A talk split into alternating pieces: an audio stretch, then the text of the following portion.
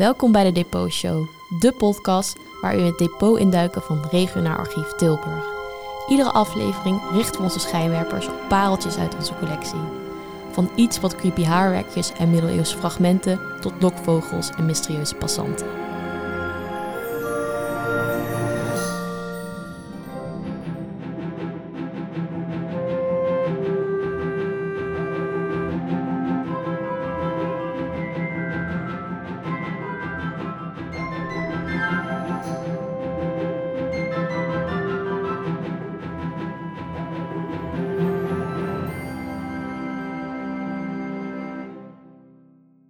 Welkom bij deze vierde aflevering van de Depot Show. Mijn naam is Sterre Schlink en ik ben jullie host. Deze week heb ik mijn collega Stef Uins op bezoek. Leuk dat je er bent. Ja, dankjewel Sterre. Bedankt voor de uitnodiging. Uh, altijd leuk om over mijn favoriete archiefstuk te mogen komen vertellen. Yes. Stef, jij werkt bij ons bij dienstverlening, doet een stuk educatie en je bent onze vrijwilligerscoördinator. Maar je hebt ook boekwetenschap en handschriftkunde aan de UvA gestudeerd. En vandaag gaan we het hebben over maculatuur. Kan je in het kort uitleggen wat dat is? Ja, natuurlijk. Uh, maculatuur, in het kort gezegd, is eigenlijk een vorm van vroegmoderne recycling, waarbij stukjes van oude boeken worden gebruikt bij het maken van nieuwe boeken. Oké, dus maculatuur is eigenlijk een stukje oud perkament uh, hergebruiken. Uh, ja, het kan perkament zijn, maar kan ook papier zijn. Uh, iedereen heeft wel een beeld van een middeleeuws boek voor zich. En de pagina's van deze boeken die waren uh, gemaakt van perkament of van papier. En met name perkament is uh, ontzettend duurzaam, want het is eigenlijk een hele dunne vorm van leer. En leer, zoals je weet, is sterk en duurzaam. En wat deed men in de 16e en vroege 17e eeuw nou? Toen werden er heel veel nieuwe boeken gedrukt. En oude middeleeuwse handgeschreven boeken waren dan vaak niet meer nodig, omdat ze lastig te lezen waren, vervangen werden door gedrukte boeken. De inhoud was misschien niet meer relevant, of ze waren gewoon al kapot. En wat deed men toen? Men sneed die oude boeken stuk. En van het materiaal wat toen vrijkwam, die oude perkamenten of papieren bladen, daarmee maakte men de omslagen of uh, stukken van nieuwe boeken. Je kunt het eigenlijk vergelijken met het verpakken van vis in een oude krant.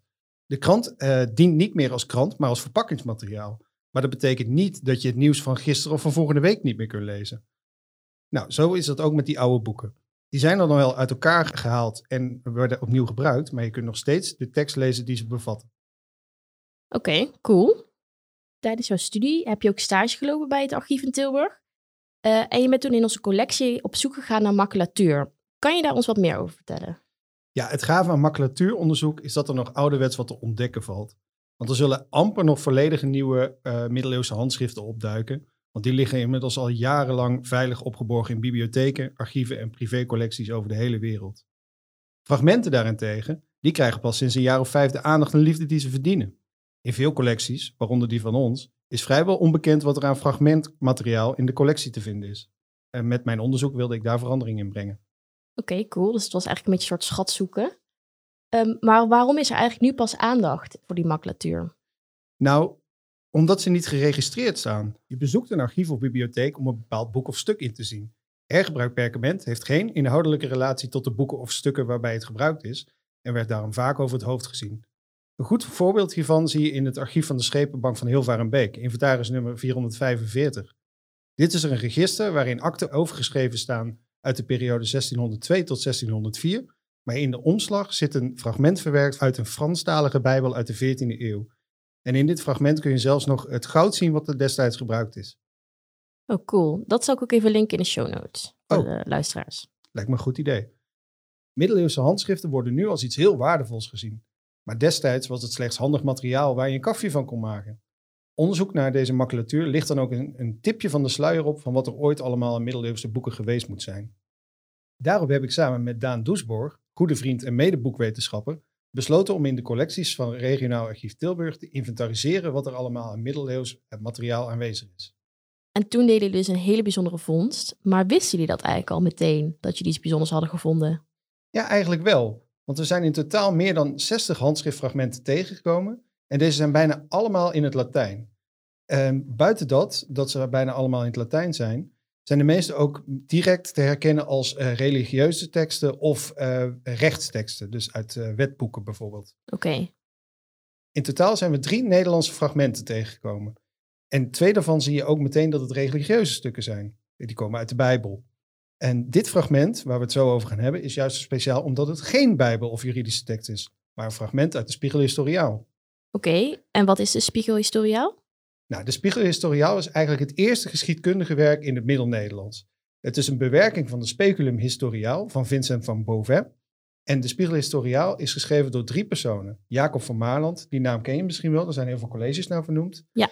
Uh, Philip Utenbroeke en Lodewijk van Velten. En het werk bestaat uit vijf delen en die delen noemen we partieën. En het behandelt de geschiedenis vanaf de schepping tot aan 1316. Jacob van Maarland schreef tussen 1283 en 1300 het eerste, derde en een deel van de vierde partie, waarna hij abrupt stopte. En we weten niet precies waarom. Philips Utenbroeke schreef, waarschijnlijk rond 1300, de tweede partie. En Lodewijk van Velten maakte in 1315 het vierde deel van, van Maarland af en voegde een vijfde deel toe in 1316, waarmee hij de Spiegel Historiaal doortrok naar zijn eigen tijd. Dus hij, hij creëerde echt een nieuw deel eraan. Oké, flinke kluif. Ja, zeker. Het is ook een enorme tekst. En bijzonder is dat er voor een tekst van deze omvang veel bewaard is gebleven. Uit alle overgeleverde handschriften en fragmenten hebben we de eerste, tweede, derde en vijfde partie volledig. Van de vierde partie is slechts een vijfde deel bekend. En dit fragment is dus uit die uh, vierde partie, die dus niet compleet is. Het is een deel van de inhoudsopgave. Oké, dus je hebt een fragment gevonden van een vierde partie, waarop een deel van de inhoudsopgave en een stuk tekst stond wat nog ontbrak. Ja, en op het moment dat je je dat beseft, voel je je wel een beetje Indiana Jones hoor. ja, dat is wel heel cool. Ehm, misschien leuk om even het fragment te beschrijven aan de luisteraar. Uh, ja, maar ik hoop eigenlijk ook dat we een link naar een afbeelding in de show notes kunnen zetten. Want het is natuurlijk het beschrijven van een oud stukje perkament toch minder ja, duidingskracht dan een afbeelding. Maar ik ga mijn best doen. Ja, uh, voor de luisteraar, we zetten het allemaal in de show notes. Dus dan kan je het er even bij pakken. Ja, eigenlijk zijn er twee fragmenten. Er is een fragment met tekst en een fragment zonder tekst. En deze twee stukken sluiten precies op elkaar aan. En er is ook een inktvlekje wat precies over beide delen loopt, waardoor je kunt zien dat ze ooit aan elkaar hebben gezeten. En het fragment zonder tekst is langwerpig en uh, maximaal 22 mm breed. Echt een klein, klein frummeltje. En het fragment met tekst is ongeveer zo groot als mijn hand. Nou, sterk kan dat beamen. Ik heb niet super grote handen, ja. dus het is... Gewoon een normale mannenhand. Een normale mannenhand. Uh, je kunt zien dat het aan één kant het einde van een pagina is, want die is uh, netjes recht afgesneden. En de rest lijkt slordig gesneden te zijn door een latere boekbinder die het fragment heeft gerecycled. Eén hoekje is zelfs gewoon ruwweg afgescheurd. Uh, de tekst is geschreven in twee kleuren: rood voor de hoofdstuktitels en zwart voor de rest van de tekst. Het fragment heeft één initiaal en daarbij moet je niet denken aan die dingen die je wel eens op tv ziet met, met schilderijtjes. Nee, het is een hele simpele tweeregelige D met wat penlijntjes erop. Uh, je kunt ook zien dat het fragment flink geleden heeft, want de tekst is aan één kant bijna volledig afgesleten. We zijn met het fragment naar Hamburg gegaan, naar het Center for Manuscript Studies. En daar hebben ze het fragment aan verschillende testen onderworpen, namelijk multispectral imaging en een analyse van de inkt.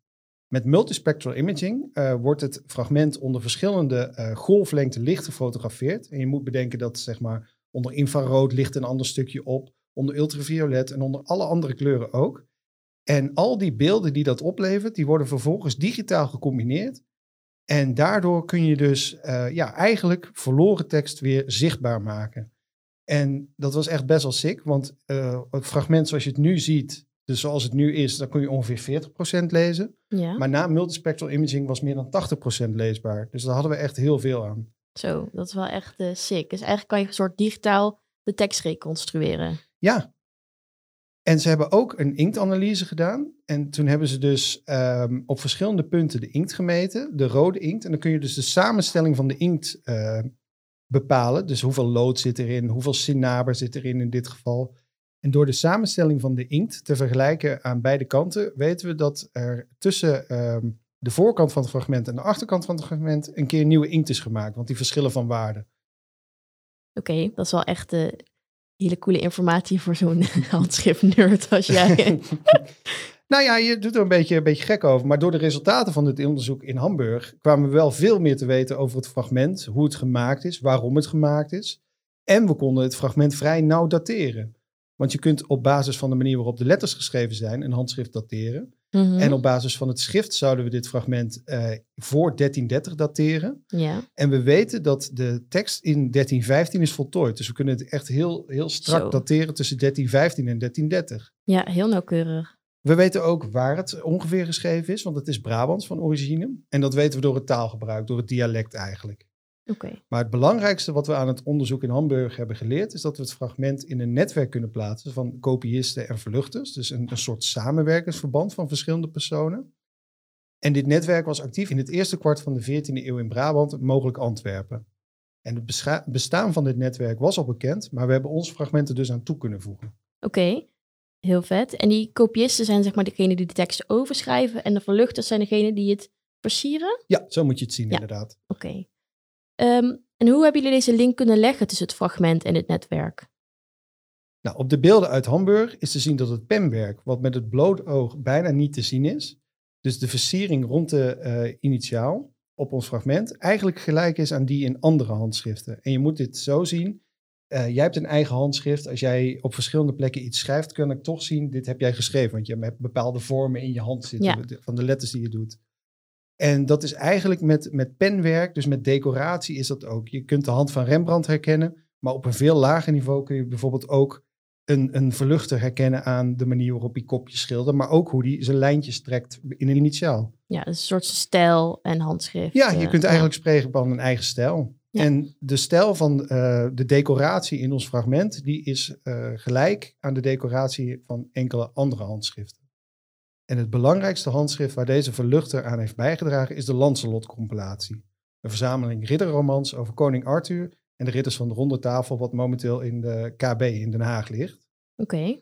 Ik zal daar ook even een linkje naar eh, zetten in de show notes. Ja, en wat, wat echt interessant is, is dat in de Lancelot-compilatie staat op het laatste blad staat een inschrijving. En daar staat hier in dit boek van Lanceloten dat heren Lodewijk S. van Veltem.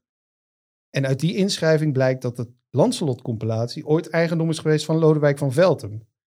En over de rol van Van Veltem in de Lancelot-compilatie is jaren academische discussie gevoerd. Maar er lijkt inmiddels een consensus te zijn dat Lodewijk van Veltem zowel de samensteller, corrector als eigenaar van de Lancelot-compilatie was. En wat, wat is hier nu aan de hand? We hebben dus iemand die een boek, twee boeken gedecoreerd heeft. Meer dan twee boeken, maar even voor dit voorbeeld. Ja. Namelijk een boek wat van Lodewijk van Veltem is. En een boek met een tekst van Lodewijk van Veltem. Dus ons fragment is heel dicht in de buurt van de originele auteur. Oké, dit klinkt echt heel interessant. Maar ik moet eerlijk zeggen dat mijn hoofd er een beetje van duizelt. Ehm, kan je het nog even kort samenvatten? We hebben dus een fragment met de tekst van Lodewijk van Veltem, die aantoonbaar is geproduceerd in zijn omgeving. En of hij het zelf geschreven heeft, is niet te achterhalen. Maar zeker is dat we eh, dicht bij de originele auteur zitten. En dat is naast gewoon bijzonder ook van belang voor de tekst. Want teksten werden vroeger met de hand gekopieerd en vaak had dat kleine foutjes tot gevolg. Ja. Dat we hier een fragment hebben dat dus uit de omgeving van de originele auteur komt, kan belangrijk zijn voor de geschiedenis van de tekstoverlevering. Ik ben echter geen medio Neerlandicus, dus dat vraagstuk schuif ik echt met liefde door naar mensen die daar veel meer verstand van hebben. Maar ik denk dat het een ontzettend eh, belangrijk fragment is in de eh, overlevering van de Spiegel Historiaal en Lodewijk van Velten. Ja, dus eigenlijk omdat het stuk zo dicht bij de originele auteur zit, kan je eigenlijk ook stellen dat het waarschijnlijk heel, ehm, heel erg lijkt op de originele tekst, of misschien wel de originele tekst is. Ja, ja zo kun je Ja. dat stellen inderdaad. Oké, dus wij hebben eigenlijk dus als enige een stuk van een vierde partie in onze collectie. Zeker, het is een uniek stuk. Maar het kan natuurlijk ook dat er in andere archieven of bibliotheken in de boekpanden nog andere stukken zitten. Dat durf ik niet te zeggen. Maar op het moment hebben wij het enige stuk. Oké, dus vooralsnog hebben wij de primeur. Ehm, en hoe groot is eigenlijk de kans dat we, of we, dat jij nog zo'n fonds doet in onze collectie? Nou, die kans acht ik eigenlijk niet zo heel groot. Want natuurlijk, dit, dit is een droomfonds voor mij als boekwetenschapper. Ja, En ik ben natuurlijk meteen verder gaan zoeken of we nog meer fragmenten van deze aard konden vinden. Maar ik durf toch met enige zekerheid te zeggen dat er in onze collectie niet meer zulke... We hebben natuurlijk een heleboel mooie stukken, laat ik dat voorop stellen. zeker, zeker. Maar niet nog een stuk uit de Spiegel Historiaal. Oké, jammer. Ehm, nou, Stef, heel erg bedankt voor je komst en eh, hopelijk tot een eh, andere aflevering. Ja, ik vond het hartstikke leuk om hier te zijn. Tot slot, heel veel dank aan Ding Dong voor het logo en design en aan Job van Etten voor de mooie muziek.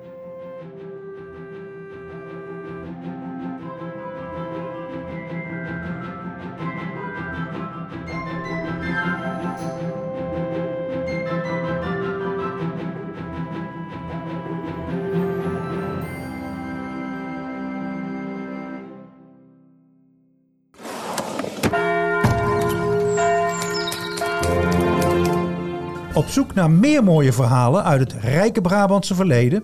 Luister dan ook eens naar Het Geheugen van Brabant. De podcast van het Brabants Historisch Informatiecentrum in Sertogenbos.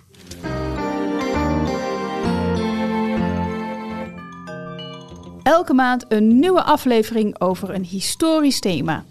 Van Brabantse boeven tot de eerste vrouwelijke burgemeester van ons land. En elke aflevering duiken we diep in het dossier Marietje Kessels. Dat en nog veel meer historie uit onze provincie. Neem nou dit. Als ik eh, met enige wellust naar jou kijk, Marilou, en dan hoef ik dat maar vijf seconden voltrouwen volgens de theologen, dan heb ik dus een, een doodzonde begaan. Laat je verrassen door bijzondere verhalen uit ons archief en dwaal mee door onze depots met onze reisleider Marilou Nilsen. En ontmoet, naast jou Anton, nog veel meer van onze collega's. Kijk op big.nl slash podcast of in je favoriete podcast app. Daar vind je alle afleveringen van Het Geheugen van Brabant.